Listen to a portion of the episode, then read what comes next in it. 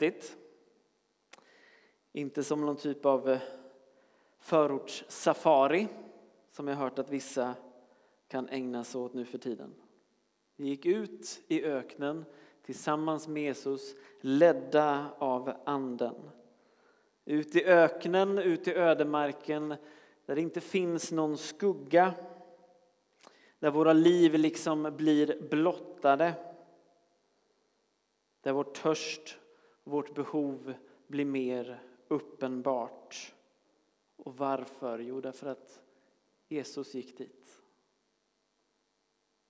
Vi har en längtan att vara där Jesus är, även om Jesus befinner sig i öknen. Magnus predikade förra veckan om frestelser och prövningar. Prövningen som någonting som kommer utifrån och frestelsen som någonting som kommer inifrån. Efter en vecka i öknen här nu, en och en halv vecka in i fastan, så kanske vår pro, tro har börjat att prövas. Kanske är det i alla fall för någon som mig att frestelserna inifrån har börjat få en att brottas, att fundera lite över det här med tron på allvar. Det krävs mod att följa med Jesus ut i öknen. Just därför att öknen blottar vår utsatthet och vårt behov. Det är viktigt att klargöra det när vi har ett sånt här tema idag som den kämpande tron. Att vi verkligen talar om en kamp på liv och död. Den som på riktigt har brottats och kämpat med sin tro vet att det finns inget utrymme för kristna one-liners eller sådana söta motivationsord på liksom rosa fraspapper. Den kämpande tron klär verkligen av oss allt ytligt och allt fromt och det ställer oss nakna inför verkligheten.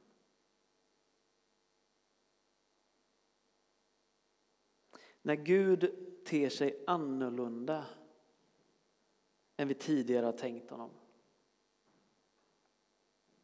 När Gud svarar motsägelsefullt eller när Gud inte svarar alls så sätts tron på prov. Och, och tron måste sättas på prov. Varför? Och därför att det som är äkta i vår tro ska avtäckas. För att liksom agnarna ska sållas från vetet i våra liv och för att vi därigenom ska vinna en tro som är oberoende av de yttre konjunkturerna. Är det någon här inne som har upplevt någonting av detta i det som har hänt det senaste året i den här gemenskapen? Mm. Och du som inte har upptäckt det så har jag märkt det. Det är en av de sakerna som har varit återkommande i samtal med många av er. Så är det någonting som flera har återkommit till är både det här har varit riktigt piss, skitjobbigt och, och är fortfarande. Och det andra, men det har gjort oss mer beroende av Gud.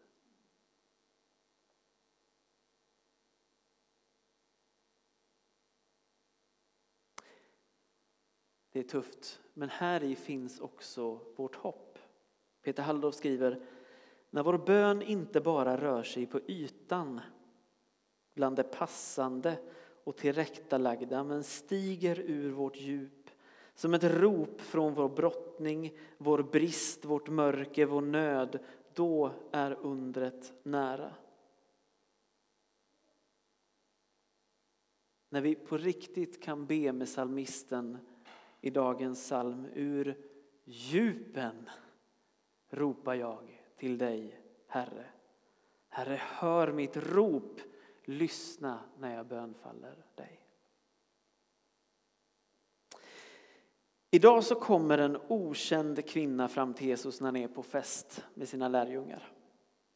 Vi vet med hjälp av den här texten egentligen ingenting om henne eller om hennes motiv mer än att hon har en alabasterflaska med dyrbar äkta nardusbalsam med sig. Passande så här på internationella kvinnodagen. Dock aningen ironiskt att Jesus säger ingen, alla kommer att komma ihåg henne så får hon aldrig något namn. Men det släpper vi för nu. Oljan används traditionellt, eller nardusbalsamet, i högtider och inför högtider. Det används både till när man ska smörja en ny kung och det används till att smörja kroppar inför en begravning. Endera så är det här en rik kvinna som har råd med den här eh, förmögenheten som det kostar att köpa en hel flaska av en så här fin olja. Eller så är det en olja som har gått i arv från mor till dotter och så vidare. Med risk för att låta sjukt nördig nu då. Men den grekiska grundtexten har en intressant detalj. Ordet äkta, som det står, äkta, dyrbar nardusbalsam. Ordet äkta är det grekiska ordet pistikos. Grundordet för ordet pistikos är det grekiska ordet pistis som betyder tro.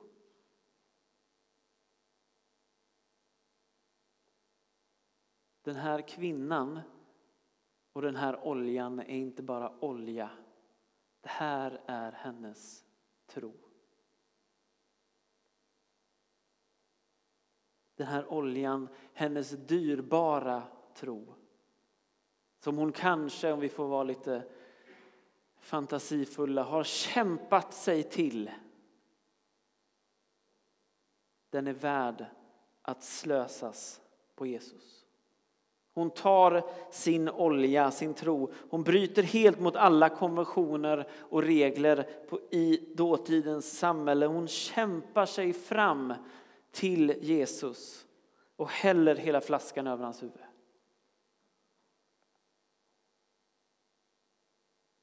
När vi drabbas av den där krisen, av sjukdomen, när någonting ställer till det i livet så är det lätt att bli paralyserad. När tron inte funkar som det brukar, när Gud är tyst eller gör annorlunda är det lätt att vi både tappar modet, blir paralyserade och ger upp.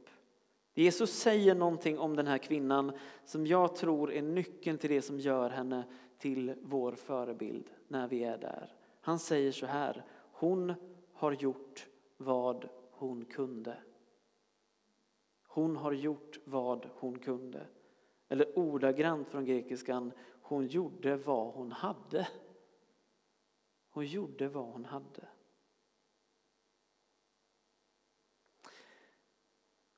Förra söndagen så predikade Magnus än en gång om ormens försök i lustgården att rikta människans blick bort ifrån allt det hon hade fått till det enda som hon saknade. Det som hon kunde få uppleva som en brist. Ormen hjälp försöker få människan att fokusera, inte på allting annat utan bara på detta enda lilla träd hon inte får äta av. På den vägen är det. I vårt vardagsliv och inte minst i öknen så frestas vi ständigt att se på vad vi inte har. Vad vi saknar. Vad alla andra tycks ha. Och så kommer vi snabbt igång med hela jämförelsegrejen. Vi ser vad vi saknar i relation till andra istället för att se vad är det då jag har. Kvinnan som kommer fram till Jesus har en flaska med olja. Vad har du? Har du en droppe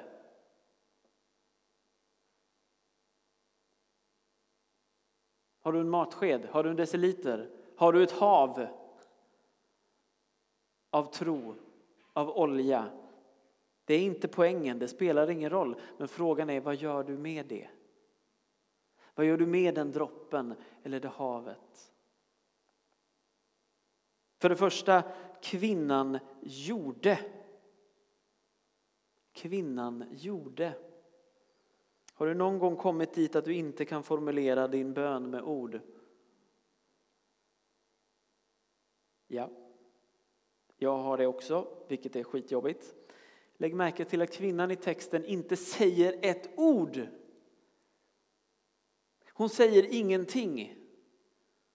I andra texter den här söndagen, i andra årgångar, så säger i alla fall de säger små korta ord. Herre förbarma dig över mig. Någonting. Den här kvinnan förblir helt tyst.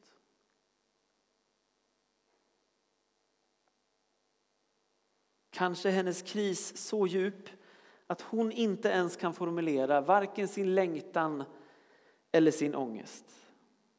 Men kvinnan bär en tro som inte är beroende av ord. Hon kan också göra. Vissa dagar eller tider så kan det vara sättet vi formulerar vår bön är att fysiskt ta oss hit och sätta oss ner på mässa. Vissa dagar så är det så med tron att vår bön den dagen får bli att jag går och sätter mig på den plats jag i vanliga fall brukar be och bara sitter. Vad lär oss den här texten? Vad lär oss den här kvinnan? Att det är okej. Okay. Det är bön och det är gott nog.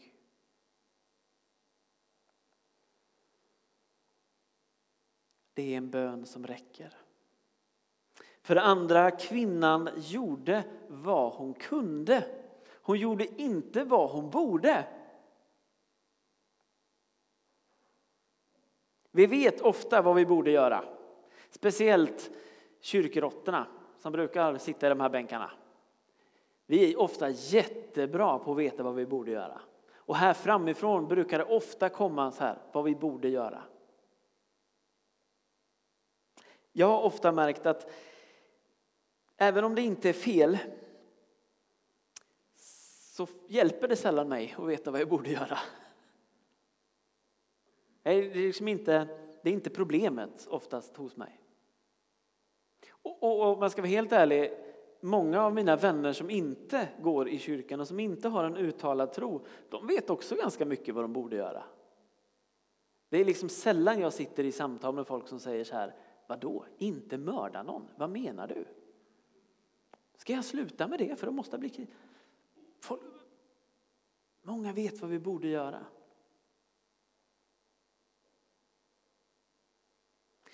Det blir lätt fel när vi tänker att det där är det enda rätta sättet att göra någonting. Kan jag inte göra vad jag borde, då, kan jag, då, då, då skiter jag i det helt. Då gör jag ingenting istället. Kvinnan i texten, hon gör inte vad hon borde, hon gjorde vad hon kunde. Det är också därför hon får någonstans en rättmätig kritik från lärjungarna. Jag tycker det är lite synd om lärjungarna i den här texten. Alltså de får så himla mycket skit i evangelierna och Jesus bara tillrättavisar dem. Och så när de för en gångs skull faktiskt säger något vettigt. Det är som att de någon gång har lyssnat till Jesus och bara, men skulle man inte kunna sälja det där och ge till de fattiga? Bara, ja, precis, det är ju det Jesus har sagt hela tiden. Då är det som att de bara, åh, dö, nej. Stackars lärjungarna. Men kvinnan gör inte vad hon borde göra, hon gör vad hon kan. Att ställa sig den här frågan, vad kan jag göra istället för vad borde jag göra, hjälper mig upp och befriar mig ifrån två olika diken. Det ena diket, det är den här duktiga pojken, duktiga flickan diket. Att ställa sig frågan, vad kan jag göra? Där jag är idag kräver att jag måste vara ärlig med mig själv och jag måste vara ärlig med Gud. Det handlar inte om att säga vad skulle jag kunna göra när jag är på topp. Det handlar om att ställa sig frågan vad kan jag göra idag? Vad är min energinivå? Hur ser min ekonomi ut? Var det nu än må vara. Var är jag och vad kan jag göra? Det tvingar mig att vara ärlig med mig själv och med Gud. Och det kan komma dit att jag faktiskt kan säga, jag klarar inte det där. Nej, okej. Okay. Men vad klarar du då? Det är bättre att vi tar ett pinsamt litet steg närmare Jesus än att vi inte tar något alls. För det andra diket som det här befriar mig från den här frågan, det är lättjans dike. Jag vet inte hur det är med dig, men jag har båda de här i mig samtidigt. Jag är å ena sidan, jag vill att det ska vara rätt, jag vill, göra, vill ha en hög standard, jag vill göra mitt bästa. Och den andra sidan av mig, som också finns, vill bara ligga hemma och äta ostbågar och dricka öl och spela tv-spel. Att ställa mig också frågan, vad kan jag göra, kan befria mig ifrån lättjan. Lättjan är inte att jag är trött eller utarbetad, det är att jag är trött och utarbetad. Lättjan är snarare en slöhet, en passivitet som håller mig och drar mig neråt istället för uppåt. Lättjan uttrycker sig inte sällan som en djupt rotad cynism som till slut intalar oss och intalar mig att inga verkliga förändringar vare sig är möjliga eller önskvärda. Lättjan är inte att inte kunna eller inte orka utan att inte vilja. Den ortodoxe teologen och prästen Alexander Smeman säger så här. Lättjan är roten till all synd eftersom den i, grund, i grunden förgiftar vår andliga energi. Jag ställer mig frågan vad kan jag göra? Utnyttjar, utmanar också lättjan då det alltid finns någonting jag kan göra. Även om det är pinsamt lite. Det finns alltid någonting jag kan göra.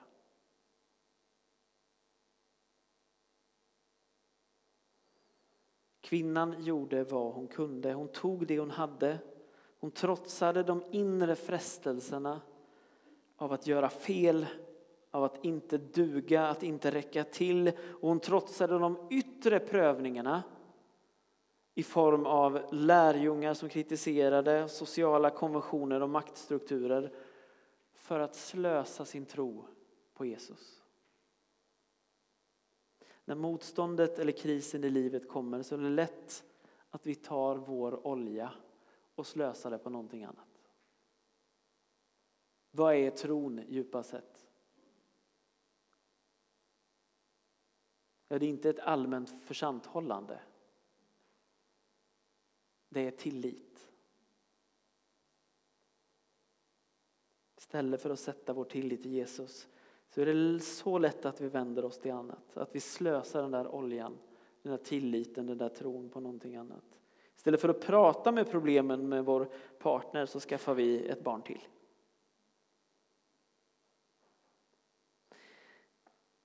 Istället för att prata om den där upplevda tomheten i tron, i församlingslivet, i vårt eget böneliv så renoverar vi badrummet istället. Istället för att prata om våra konflikter i församlingen så kan vi inte göra om församlingssalen lite.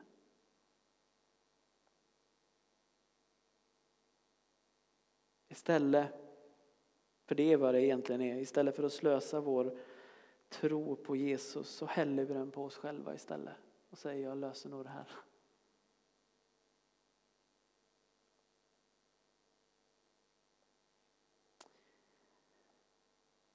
Min tro kan nog lösa det här.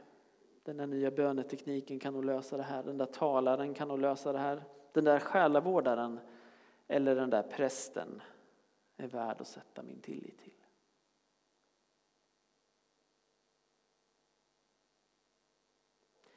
Upprepningarna av det enkla, av den enkla goda vanan skapar ett golv för vår tro.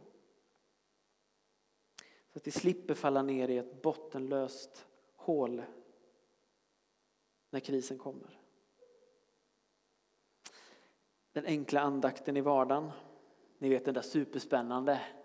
Där Gud alltid bara öser ner sina välsignelser över en onsdag kväll klockan åtta.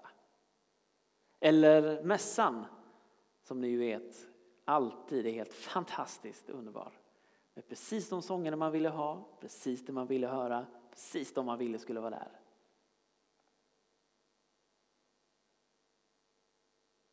Firandet av kyrkans högtider, gemenskapskvällarna eller dagarna, bönegruppen, allt det där hjälper oss att vinna en tro som är oberoende av yttre konjunkturer. Alla de där sakerna, de enkla små upprepningarna som ger oss små tillfällen att ta vår olja, hur mycket eller lite det är, och slösa det på Jesus. För det är inte det precis vad vi gör när vi kommer hit. Vi får små möjligheter och blir också utmanade att hälla vår olja på Jesus. Än en gång, det här vet ni många av er bättre än någon annan. Hur har det sett ut det här året? Vad är det ni har fortsatt att göra? I allt som har hänt, i alla som har lämnat, i allt bajs som har varit. Så nog katten har det varit mässa på söndag med United. Eller?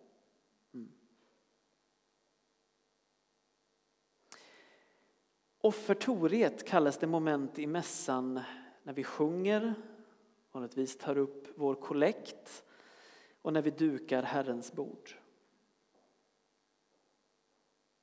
Det här kan tyckas som en ren liksom prakti, praktikalitet. Det ska ändå göras och då ska vi göra det någon gång. Men djupast sett så är offertoriet, som är ett latinskt uttryck som betyder att bära fram, det är det moment i gudstjänsten där vi tillsammans, bland annat genom att samla in vår kollekt, som ju är insamling, bär fram våra liv till altaret. Och förtoriet är den del av gudstjänsten då vi tar allting och bär fram det till Jesus.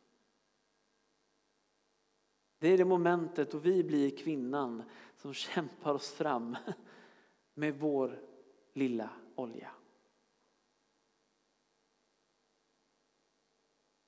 Vi får ta det som vi har, litet eller stort, komma med det till Jesus. Slösa våra liv, vår tro och vår tillit till Jesus. Vinet som vi bär fram blandar vi ut med lite vatten. Vinet står såklart för Gud, för Guds rike, för Guds liv, för festen. Och vad står vattnet för? För oss. Och när vi blandar vattnet i vinet så syns inte något mer av vattnet. Den totala sammanblandningen som sker mellan oss och Gud i mässans måltid. Det mänskliga och det gudomliga blir en ny enhet.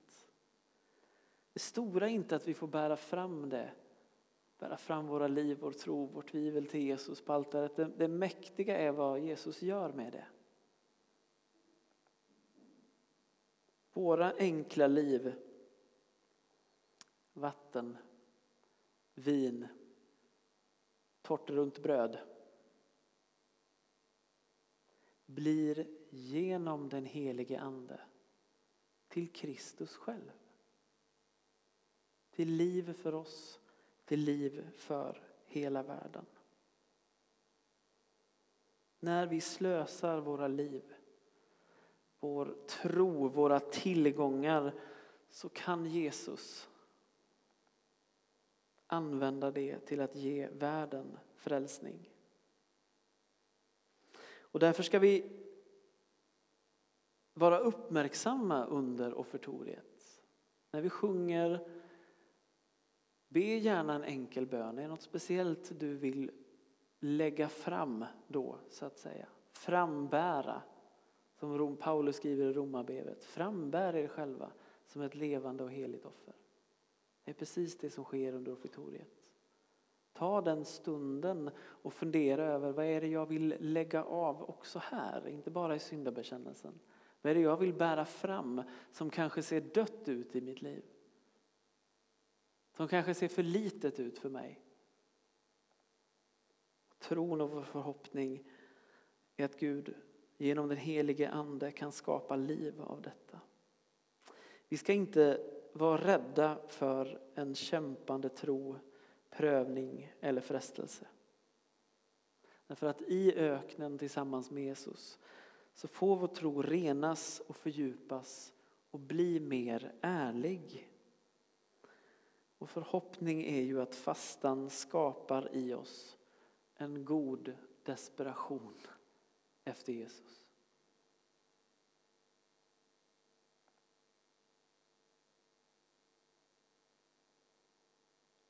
Och en god desperation som gör att vi följer den här kvinnans exempel och inser att det finns inget bättre att slösa våra liv, vår tro, vår dyrbara olja på än Jesus.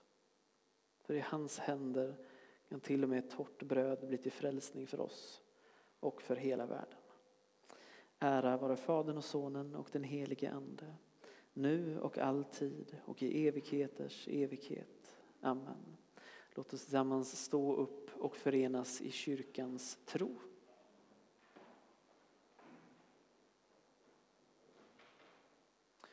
Vi tror på Gud Fader allsmäktig, himmelens och jordens skapare. Vi tror och på Jesus Kristus, hans enfödde Son, vår Herre, vilken är avlad av den helige Ande, född av jungfru Maria, pinad under Pontius Pilatus, korsfäst, död och begraven, nederstigen till dödsriket, på tredje dagen uppstånden igen ifrån de döda, uppstigen till himmelen, sittande på allsmäktig Gud faders högra sida, därifrån igenkommande till att döma levande och döda. Vi tror och på den helige Ande, en helig allmännelig kyrka, det heligas samfund, syndernas förlåtelse, det dödas uppståndelse och ett evigt liv. Amen.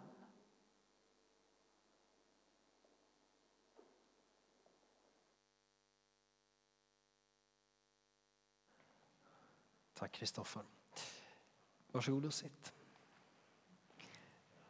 Vi ska nu få ehm, vara med och ge, precis som Kristoffer sa. Och eh, vi kan ge på två sätt. Antingen ger man i bössan här med kontanter eller så kan man ge via Swish. Och jag tror att numret kommer att komma upp här på väggen. Nu ska vi förbereda oss för nattvarden och eh, ni ska sjunga lite.